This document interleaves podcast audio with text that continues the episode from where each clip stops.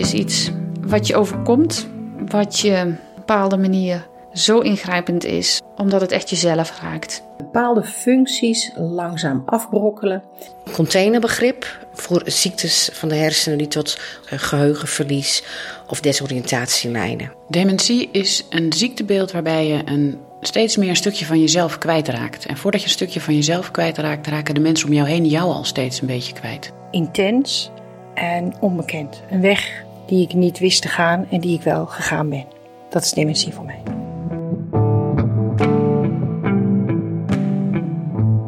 Dementie. Vroeg of laat krijgen we bijna allemaal mee te maken. Een ouder, een partner, een goede vriend.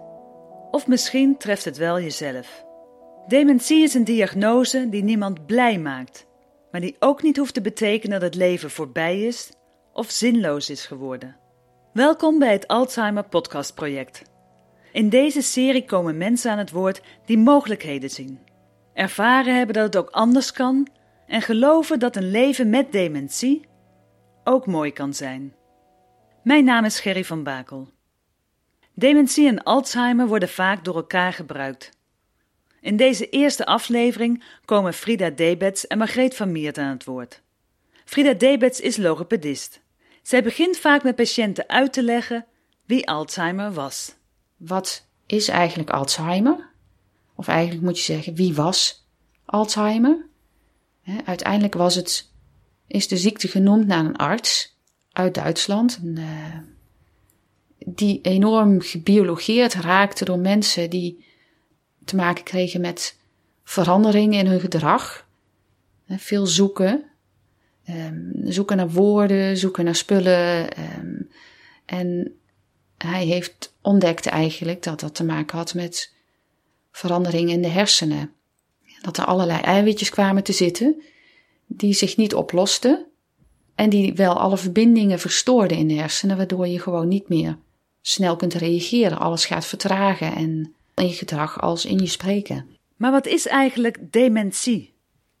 Ik vroeg het aan Margreet van Meert, al twintig jaar werkzaam als huisarts.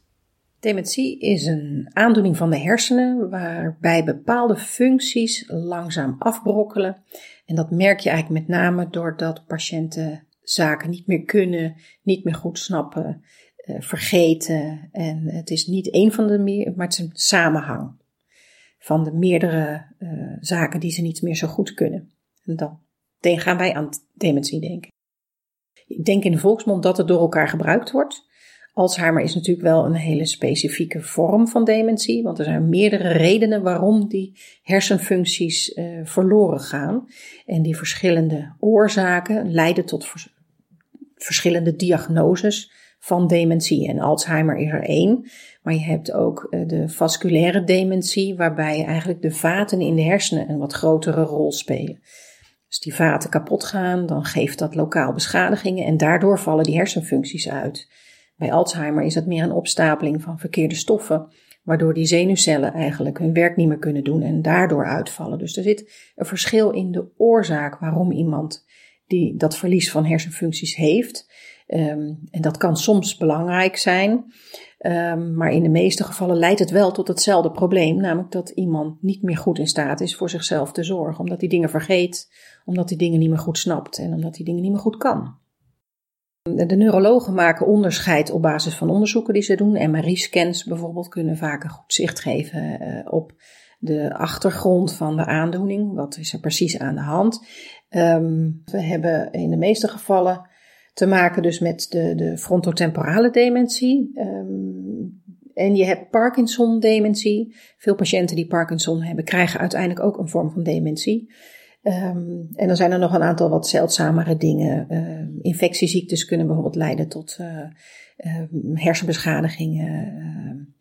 je kan in technische zin dus ehm, nog kijken naar vergiftigingen, zoals beroepsziekten. Schilders bijvoorbeeld die met verven gewerkt hebben met uh, bepaalde oplossingsstoffen die erin zaten, die uiteindelijk ook schadelijk bleken voor de hersenen. Dus er zijn wel meerdere uh, ziekten te noemen waarbij uiteindelijk de hersenfuncties raken aangetast. En wat dan eigenlijk hetzelfde beeld naar voren laat komen. Er zijn wel subtiele verschillen. Ehm, zoals de frontotemporale e- dementie, die komt eigenlijk op wat, wat jongere leeftijd voor. En daardoor zul je bij jonge mensen, relatief jonge mensen met geheugenstoornissen, ook eerder de neurologus vragen om te, om te kijken van wat is er nou eigenlijk bij die persoon aan de hand. Want dit is toch wel bijzonder. Uiteraard als huisarts kunnen we eerst eens beginnen om eens goed in kaart te brengen van wat, um, waar loopt de patiënt nou eigenlijk tegenaan? Uh, en zijn omgeving met name, want de patiënt zal zelf misschien niet altijd doorhebben dat hij misschien wel een paar uh, steken laat vallen. En zijn omgeving wel. Dus een, uh, een mevrouw kan op het spreekuur komen met heel erge vermoeidheidsklachten. En dan blijkt het eigenlijk dat ze moet redderen thuis, omdat haar man eigenlijk de, de grip op het leven een beetje kwijt is. En dan ga je natuurlijk met zo'n heer aan de slag om eens te kijken van, god, wat is er nou eigenlijk met die meneer aan de hand? Um, dat kan door eerst eens te kijken van zijn er lichamelijke oorzaken waarom die misschien verwarder is dan normaal. Daar kunnen we bloedonderzoek voor, uh, voor laten doen. Daar kunnen we een heleboel dingen in zien en een aantal dingen uitsluiten. Als mensen bijvoorbeeld een te snel werkende schildklier hebben, kunnen ze daar behoorlijk verward van raken. Maar ook een blaasontsteking kan iemand op leeftijd behoorlijk verward maken. Nou, dat zijn natuurlijk dingen die je, die je kunt behandelen. En als je dan patiënt daarna weer opknapt, dan weet je dat hij niet dement is. Um, maar daar, daar hebben we dus inderdaad wat protocollen voor, waarin een um, goed beschreven staat van welke dingen wij als huisarts kunnen doen. En uiteraard gaan we natuurlijk ook met de patiënt zelf praten. Uh, eerst eens even wat uh, van hemzelf terug horen, van wat merk je nou en waar loop je tegenaan. En uiteraard ook uh, van zijn partner of familie. En het kan zeker interessant zijn om ook eens te horen of het in de familie voorkomt, want erfelijkheid speelt zeker bij een aantal vormen van dementie een rol. Uh, bij Alzheimer komt het toch bij 60% van de patiënten, ook in directe familieleden, komt het voor. Dus ja, dat kan zeker zinnig zijn om dat mee te wegen in, in de diagnosestelling. Um, we hebben ook wat testjes die we met patiënten doen. Uh, we laten ze bijvoorbeeld een, een, klok tekenen of we hebben een, uh, een, een, vragenlijstje waarin we mensen vragen wat rekensommetjes te maken en, wat woorden te onthouden. En is het een en ander te vertellen of om het een en ander op te schrijven. En aan, aan de hand daarvan kunnen we dus verschillende functies van het geheugen testen. Weet iemand waar die is? Weet iemand wat hij doet? Uh, heeft hij een beetje besef van samenhang, dat zijn zaken die we met dit soort testen toch wat meer in kaart kunnen krijgen. Er zijn ook overigens kaarten voor familieleden of voor mensen die kunnen eens kijken van, goh, heeft mijn partner dit? Dus die, er zijn ook voor patiënten van dit soort kaarten beschikbaar online. Uh, dus dat kan wel eens nuttig zijn. Soms komen patiënten daar ook mee, dat, of hun partner komt er mee. Dus ik heb die scorelijst op internet gevonden en ik maak me toch wel zorgen over mijn man. Want die uh, scoort toch wel eigenlijk op een heleboel puntjes. Nou, dat is voor ons weer een reden om daarmee verder te gaan. Als nou blijkt dat de patiënt inderdaad vrij duidelijk past in het hele, met name Alzheimer verhaal. Een patiënt op leeftijd, misschien wat erfelijke aanleg en duidelijk uh, haperen van geheugenfuncties. Dan kunnen we als huisarts wel de diagnose uh, Alzheimer stellen of dementie stellen. Um, wat moeilijker wordt het inderdaad bij patiënten die jonger zijn of die inderdaad een wat ander uh, beeld hebben. Um, er zijn patiënten met frontotemporaal uh, dementie die eigenlijk qua geheugen nog lang goed blijven, maar een ander gedrag gaan vertonen. Ze krijgen eigenlijk een andere persoonlijkheid. Meestal niet heel positief, waardoor het gaat wringen thuis. En um, ze raken ook uh, de, het vermogen om bepaalde dingen te doen kwijt. Dus bij deze mensen is het soms lastiger om vast te stellen wat is er nou eigenlijk aan de hand. Heeft die patiënt misschien een beroerte gehad? Dus dan is de weg naar de neuroloog eigenlijk al vrij snel de eerste keus. Dan laten we toch de neuroloog even goed uitzoeken wat is er nou eigenlijk met deze patiënt aan de hand.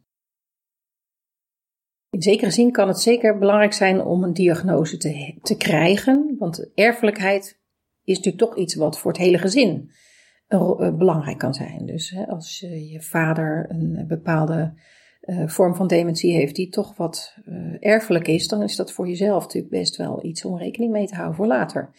Um, dus dat kan belangrijk zijn. Um, als huisarts in de praktijk werken wij natuurlijk meer met patiënten met uh, geheugenstoornissen en passen wij gewoon zorg toe waar het nodig is. Dus als huisarts zijn we niet heel direct met de diagnose bezig.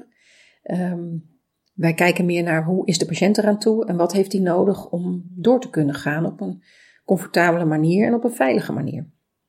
Maar voor de, de uh, beginfase is het dus zeker zinnig om bij bepaalde groepen, en vooral uh, jongeren, uh, toch even te checken van wat is daar aan de hand. Wat de ziekte van Alzheimer heel duidelijk maakt is door het doen van een MRI-scan, dan kun je gewoon duidelijk de afwijkingen in de hersenen zien. Dus dat maakt de diagnose uh, vrij simpel. Hetzelfde geldt eigenlijk voor de vasculaire dementie. Ook die kun je doorgaans op een, een MRI goed zien. Daarnaast hebben deze mensen wat meer neurologische uitval. En dat is het opvallend verschil met Alzheimer. Dus mensen hebben vaak reflexen, dat zijn met zo'n hamer op je knie, iedereen kent dat wel. Die is bij een patiënt met vasculaire dementie vaak of afwezig of juist versterkt. En aan de ene kant dan wel en aan de andere kant niet. Dus dat zijn kleine suggesties waarbij je kunt gaan denken aan van, oh, er is hier geen Alzheimer, maar er is hier misschien vasculaire dementie. Dus dan is dat meer een bloedvatbeschadigingsprobleem wat in de hersenen speelt. Um, daarnaast um, heb je de ziekte van Parkinson, waar ook dementie bij voorkomt. Van die mensen is vaak al lang duidelijk dat ze Parkinson hebben. Dat is natuurlijk een ziekte die op zich invaliderend is, want ze kunnen letterlijk niet meer goed uit de voeten. Ze, ze worden strammer, ze, het kost ze moeite om te starten met bewegen, maar ook om te stoppen met bewegen. En ze hebben vaak uh, stijfheid en ze hebben ook vaak een, een, een trilling, een tremor noemen we dat. Um, dus als ze in rust dan beweegt er van alles. Dat is heel vermoeiend voor die, deze mensen. En binnen een jaar of tien na het, uh, de diagnose van Parkinson zie je dat een groot deel van de patiënten uh, dus ook een vorm van dementie krijgt. Dus dat is, daarvan is het vaak de diagnose vrij snel duidelijk, omdat dat duidelijk gekoppeld is aan de onderliggende ziekte Parkinson die ze al hebben. En dan heb je de eh, frontotemporale uh, dementie. En bij deze groep is het vooral belangrijk dat ze dus echt een karakterverandering lijken te ondergaan. Ze krijgen echt een, ze lijken wel een ander mens te worden met een ander temperament en een ander uh, gedrag. En het is dus wat, wat jongere leeftijd, dus dat, dat past echt niet bij Alzheimer. Dus dat is een duidelijk verschil. En de belangrijkste risicofactor voor de ziekte van Alzheimer is ook inderdaad ouderdom. Dat is de belangrijkste risicofactor. Dus hoe ouder je wordt, hoe groter de kans op Alzheimer. Het is ook zo dat vrouwen, doordat ze ouder worden dan mannen, om die reden ook een licht verhoogd risico hebben om in hun leven Alzheimer te krijgen. Hoewel als je uh, gaat kijken van is er een verschil tussen mannen en vrouwen in het krijgen van Alzheimer, is dat er niet. Maar enkel het feit dat vrouwen doorgaans ouder worden, maakt ze een, een groep die meer kans heeft om Alzheimer te krijgen. Van de groep relatief jonge patiënten met dementie is ook de grootste groep Alzheimer. Maar dat is dan vaak de groep waarin erfelijkheid een belangrijke rol speelt. En daarnaast, de tweede groep is dan inderdaad de frontotemporale dementie. Het begint uiteraard dat mensen um, in het leven tegen dingen aanlopen wat ze niet meer lukt en waardoor het ook op gaat vallen dat iemand geheugenproblemen heeft. En um, dat kan op verschillende manieren langzaam progressief zijn. De ene patiënt uh, raakt daardoor sneller in de war en um, krijgt daardoor gedragsproblemen en uh, zal uh, dus eerder misschien naar een verpleeghuis gaan, omdat het thuis niet meer gaat. Een andere patiënt blijft heel gemoedelijk met zijn vergeetachtigheid heel gezellig thuis. zonder problemen te veroorzaken en laat zich goed verzorgen. Ja, die mensen hebben natuurlijk een ander perspectief maar als ongeveer 10% van de patiënten eindigt uiteindelijk echt in bed, niet meer in staat om iets te kunnen doen. Uh, dus dat uh, het merendeel van de patiënten uh, haalt die fase niet, omdat ze eerder aan andere dingen overlijden.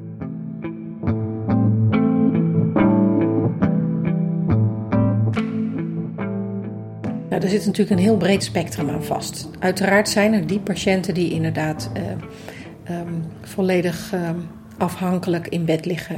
En er zijn ook patiënten met ernstige gedragsstoornissen die uh, continu roepen, continu verdrietig zijn. Dat is natuurlijk heel moeilijk om daarmee om te gaan. Maar er is ook een grote groep die het eigenlijk prima doet. Uh, binnen de uh, goede verzorging. Heel kalm en rustig. En inderdaad heel gelukkig is met een, het meezingen van, van oude liedjes. dus vaak als deze groep is vaak prima te vermaken met dingen uit het verleden. Daar kunnen ze vaak heel goed nog mee aansluiten. En uh, die hoeven helemaal niet een onprettig leven te hebben. Dus dat, maar je weet nooit wie, je krijgt. Welke kaart krijg je? En dat maakt het natuurlijk wel eens spannend. Dat je denkt, ja, krijg ik, word ik dement? En zo ja, waar gaat het dan met mij heen? Dat is natuurlijk, uh, het is denk ik vooral de angst om controleverlies. Waarom mensen dit zo weerzinwekkend vinden. Om, en dat ook graag voor zich uit willen schuiven. En dat is wel iets wat je kunt benoemen. En dat kan in een gesprek ook wel wat opluchting geven. Dat je denkt, oh ja, begrijp waarom ik het een eng onderwerp vind. En waarom ik eigenlijk niet over na wil denken. Want uh, verlies aan, uh, aan, controle is natuurlijk niemand. Niemand wil, net als zeggen dat je geen dwarslezen wil. Dat je volledig afhankelijk bent en in een rolstoel zit.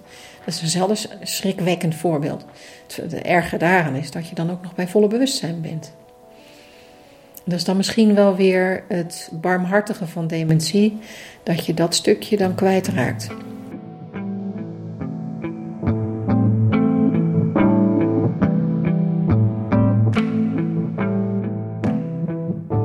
Je hoorde allereerst logopedist Frida Debets en daarna huisarts Margreet van Miert. Over wat dementie is, hoe een huisarts en een eventuele specialist tot een diagnose komen. Mijn naam is Gerry van Bakel. Bedankt voor het luisteren. Meer afleveringen van het Alzheimer Podcast Project zijn te vinden op mijn website gerryverhalenbedrijf.nl en de bijbehorende Facebookpagina.